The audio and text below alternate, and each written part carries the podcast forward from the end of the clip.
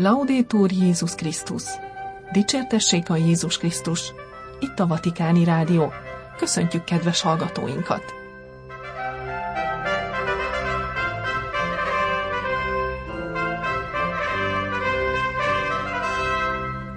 A mikrofonnál Somogyi Viktória.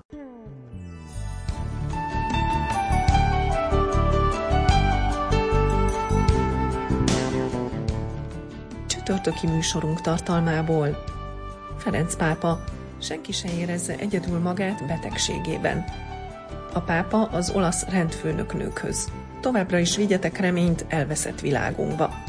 Az egyház készül a nagyszülők és idősek harmadik világnapjának megünneplésére, ami nincs és ami van.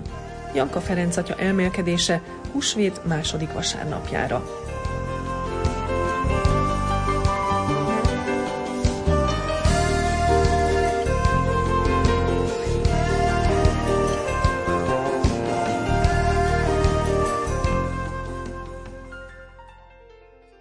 Ferenc pápa, senki se érezze egyedül magát betegségében. A pápa csütörtökön fogadta az olasz Szociális és Egészségügyi Intézetek Szerzetesi Társulatának tagjait. Méltatta az egyház példamutató tanúságtételét a betegek gondozásában. A pápa elismerését és bátorítását fejezte ki, hogy az olasz Szociális és Egészségügyi Intézetek Szerzetesi Társulata részt vesz a keresztény egészségügyi intézmények működtetésében, amelyeket az irgalmas szamaritánus fogadójához lehet hasonlítani, ahol a betegek megkaphatják a vigasztalás olaját és a reményborát. Csütörtökön fogadta a szervezet képviselőit a Vatikánban. A pápa emlékeztetett arra, hogy a szerzetesi egészségügyi ellátásnak szép és több évszázadokra visszanyúló története van Itáliában. Az egyház az egészségügyön keresztül sokat tett azért, hogy a társadalom szegény, gyenge és elhagyott rétegeit meghallgassa és odafigyeljen rájuk. Ezen a területen nem hiányoztak a tekintélyes tanúságtevők, akik tudták, hogyan ismerjék fel és szolgálják a betegeket, a szenvedő Krisztust önmaguk teljes odaajándékozásáig, még az életük feláldozása árán is.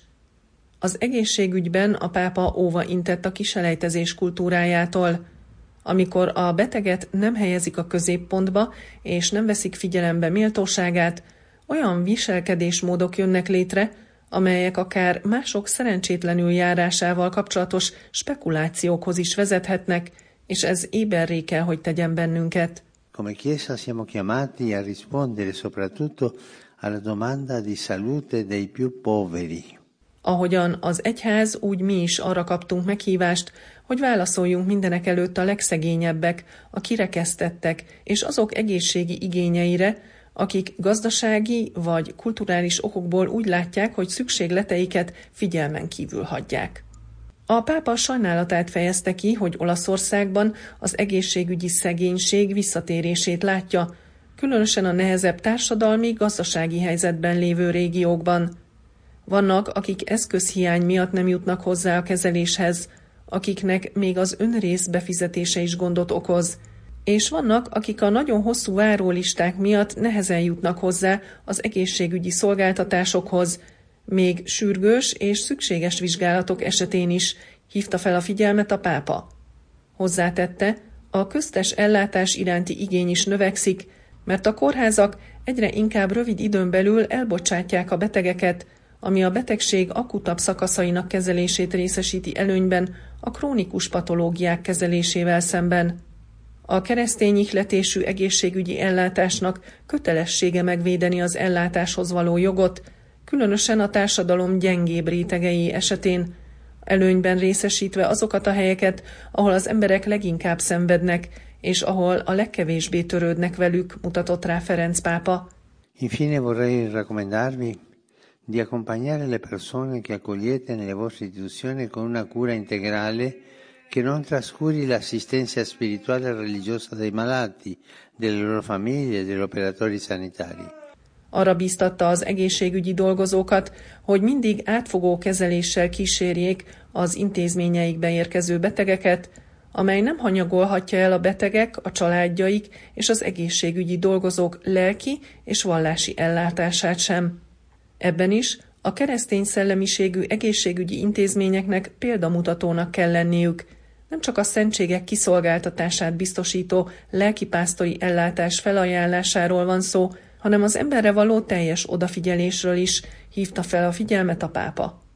Senkinek nem szabad egyedül éreznie magát betegségében, nyomatékosította Ferenc pápa. Éppen ellenkezőleg minden embert támogatni kell a betegség értelmével kapcsolatos kérdéseiben, és segíteni kell nekik abban, hogy keresztény reménnyel járják végig a gyengeség olykor hosszú és fárasztó útját.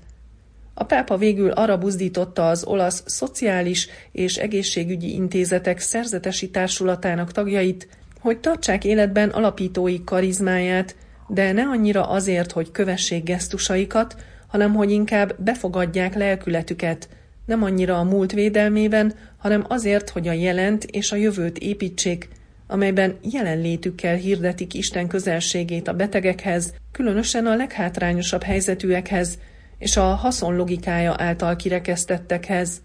A pápa azért imádkozott, hogy a szűzanya kísérje őket, majd áldását adta rájuk, és arra kérte őket, hogy imádkozzanak érte.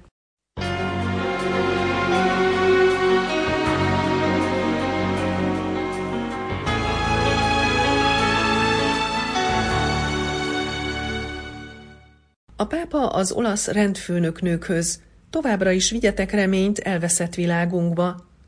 Ferenc pápa fogadta az olaszországi rendfőnöknők unióját 70. káptalanjuk alkalmából. Három pontot ajánlott figyelmükbe, hogy gondolkodjanak el azon, milyen fontos szerepet játszanak, különösen a nők és a szinodalitás tekintetében.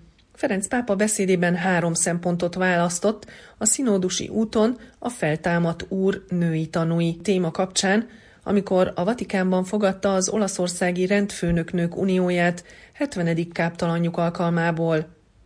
Az első szempont a tanácskozásra választott témájuk alapján a feltámadt úr női tanúi.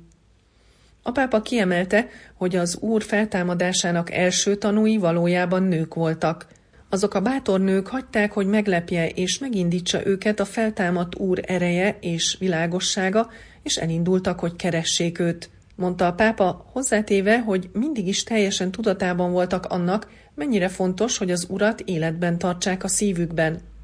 A pápa által kiemelt második szempont az volt, hogy a szinódusi úton járnak.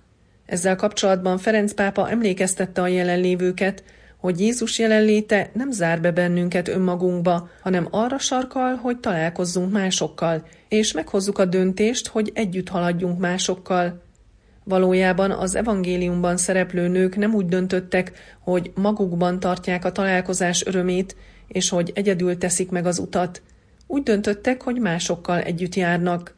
Ferenc pápa hangsúlyozta, Fontos mindig emlékezni arra, hogy az együttjáráshoz meg kell engednünk magunknak, hogy a lélek valóban szinodális mentalitásra neveljen bennünket, bátran és szívünk szabadságával belépve a megtérés folyamatába. Ez az egyház fő útja, tette hozzá.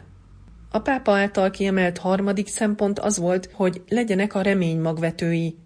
Megjegyezte, hogy a feltámadt Jézussal való találkozás reménnyel tölti el a szívet, és reményteremtővé tesz bennünket, ezáltal hirdetjük és elhozzuk Isten üdvösségét ebbe a gyakran elveszett világunkba, amelynek bátorítást és reményt adó válaszokra van szüksége, amely felpesdíti az utat. Haladjatok tovább ezen az úton, kérte a pápa. Beszéde végén a jelenlévő nővéreknek hangsúlyozta, az Úr arra hív benneteket, hogy teljetek el megújult lelkesedéssel, és legyetek a feltámadt Úr női tanúi, a színódusi ösvényen járva a remény magvetőiként.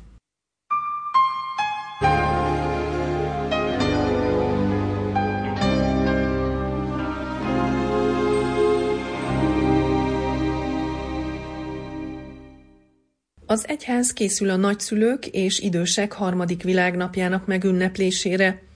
Az egyház július 23-án vasárnap Szent Joachim és Szent Anna ünnepe közelében ünnepli a nagyszülők és idősek harmadik világnapját, melynek mottója irgalma nemzedékekről nemzedékekre az istenfélőkkel marad. Az egyház készül, hogy július 23-án vasárnap ünnepelje meg a nagyszülők és idősek harmadik világnapját, jelentette be csütörtökön sajtóközleményben a világiak, a család és az élet vatikáni dikasztériuma. Az egyház minden évben július 4. vasárnapján tartja a világnapot, közel Jézus nagyszülei Szent Joachim és Szent Anna ünnepéhez. Ferenc pápa 2021-ben hívta életre ezt a napot, mert véleménye szerint a nagyszülőket gyakran elfelejtik, mégis összekötő kapcsot jelentenek a nemzedékek között, átadják a fiataloknak az élettapasztalatot és a hitet. Ferenc pápa az idei év témájául Lukács evangéliumának egy idézetét választotta. Irgalma nemzedékről nemzedékre az istenfélőkkel marad. Ez kifejezi a kapcsolatot a 2023. augusztus 1 -e és 6-a között megrendezett ifjúsági világtalálkozóval, amelyre Lisszabonban, Portugáliában kerül sor. Az ifjúsági világtalálkozó témája Mária útnak indult és sietett. Megmutatja nekünk azt a fiatal Máriát, aki elindul, hogy felkeresse idős unokatestvérét Erzsébetet, és aki hangosan hirdeti a Magnifikátban a fiatalok és idősek közötti szövetség erejét, hangsúlyozza a Vatikáni Dikasztérium sajtóközleménye.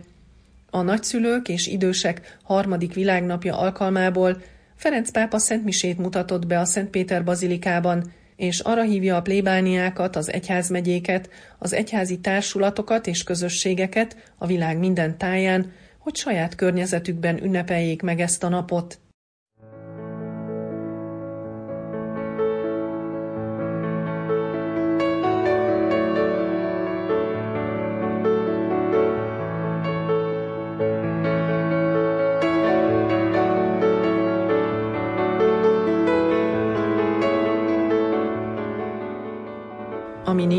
És ami van.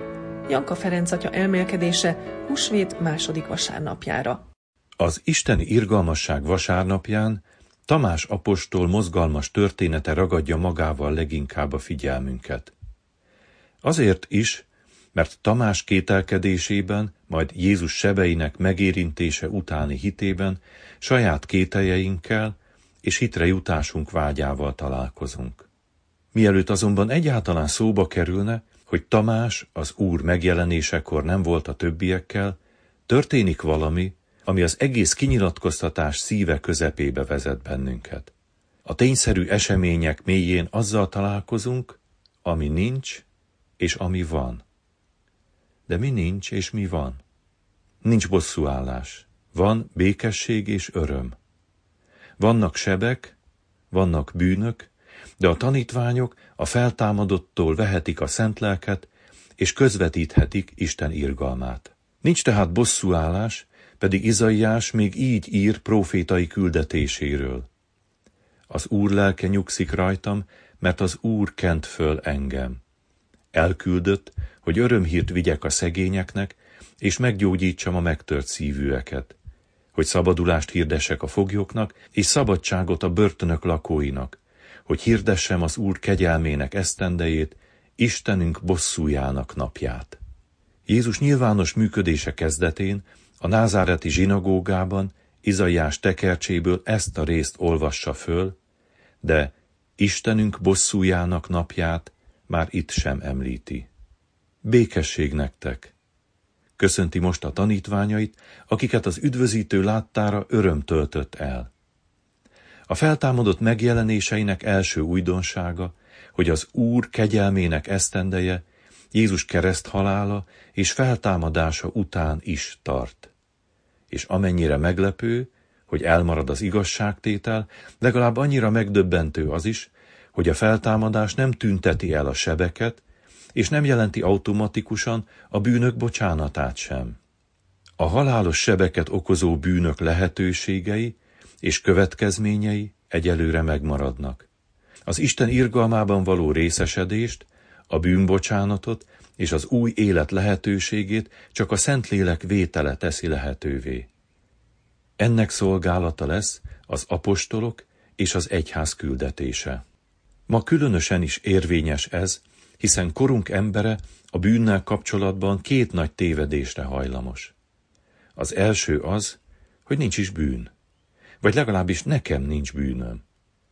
A súlyosabb, Másik téveszme pedig az, hogy ha van bűn, akkor nincs bocsánat. A bűn tagadásának lehetőségéről József Attila Én nem tudtam című versének első sorai beszélnek.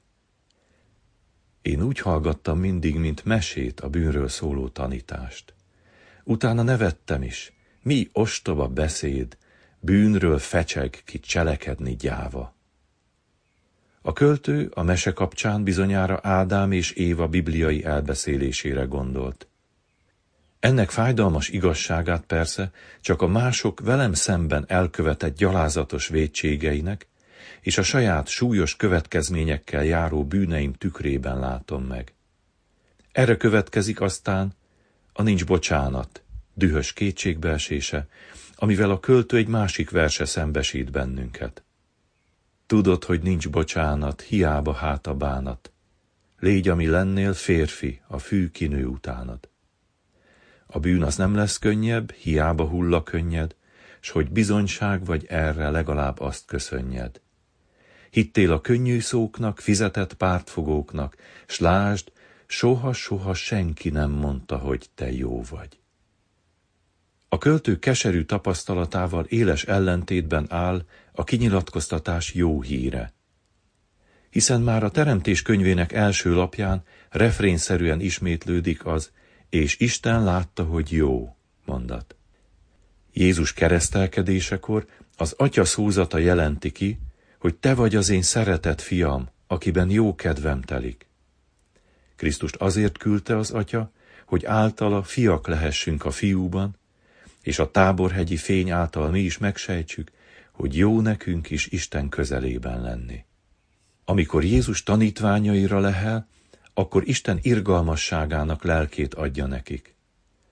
Akinek megbocsátjátok bűneit, az bocsánatot nyer, és akinek nem bocsátjátok meg, az nem nyer bocsánatot.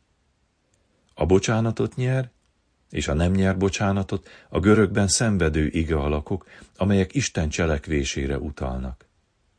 A teológiai hagyomány az apostoloknak és utódaiknak adott oldás kötés szolgálatának klasszikus szentírási megalapozását ismerte fel ebben a szövegben.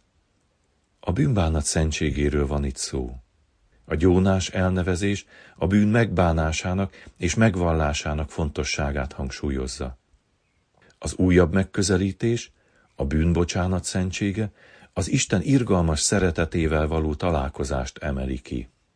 A megbocsátás és megtartás mozzanata pedig tartalmilag azt is jelenti, hogy aki hiszi, hogy az Isten meg tudja és meg akarja bocsátani a bűneinket, annak az Isten készséggel megbocsát. Aki viszont elzárkózik a vétkes hiányokat kitölteni kész isteni szeretet elől, és meg akarja tartani magának vétkei folytogató ürességét, az megtarthatja. Jézus láncsával átdöfött oldala Isten felénk nyitott szívét tárja fel. Tamás újja révén mi is kitapinthatjuk, hogy az Isten jóságát elutasító emberi gonoszság és bűn okozta halálos seb mélyén sincs más, mint irgalmas szeretet. Mi nincs, és mi van tehát? Nincs isteni bosszúállás. Van bűn, és van bocsánat. Boldogok, akik e hitben tudnak bocsánatot kérni, és másoknak, meg maguknak is megbocsátani, mert szívüket már megérintette Isten irgalmassága.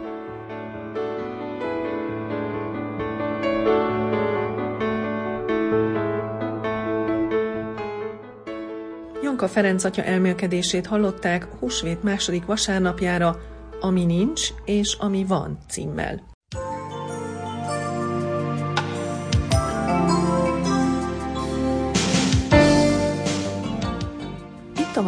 Rádió. Kedves hallgatóink, csütörtöki műsorunk véget ért. Búcsúzik a szerkesztő Somogyi Viktória. Dicsértessék a Jézus Krisztus. Laudétur Jézus Krisztus.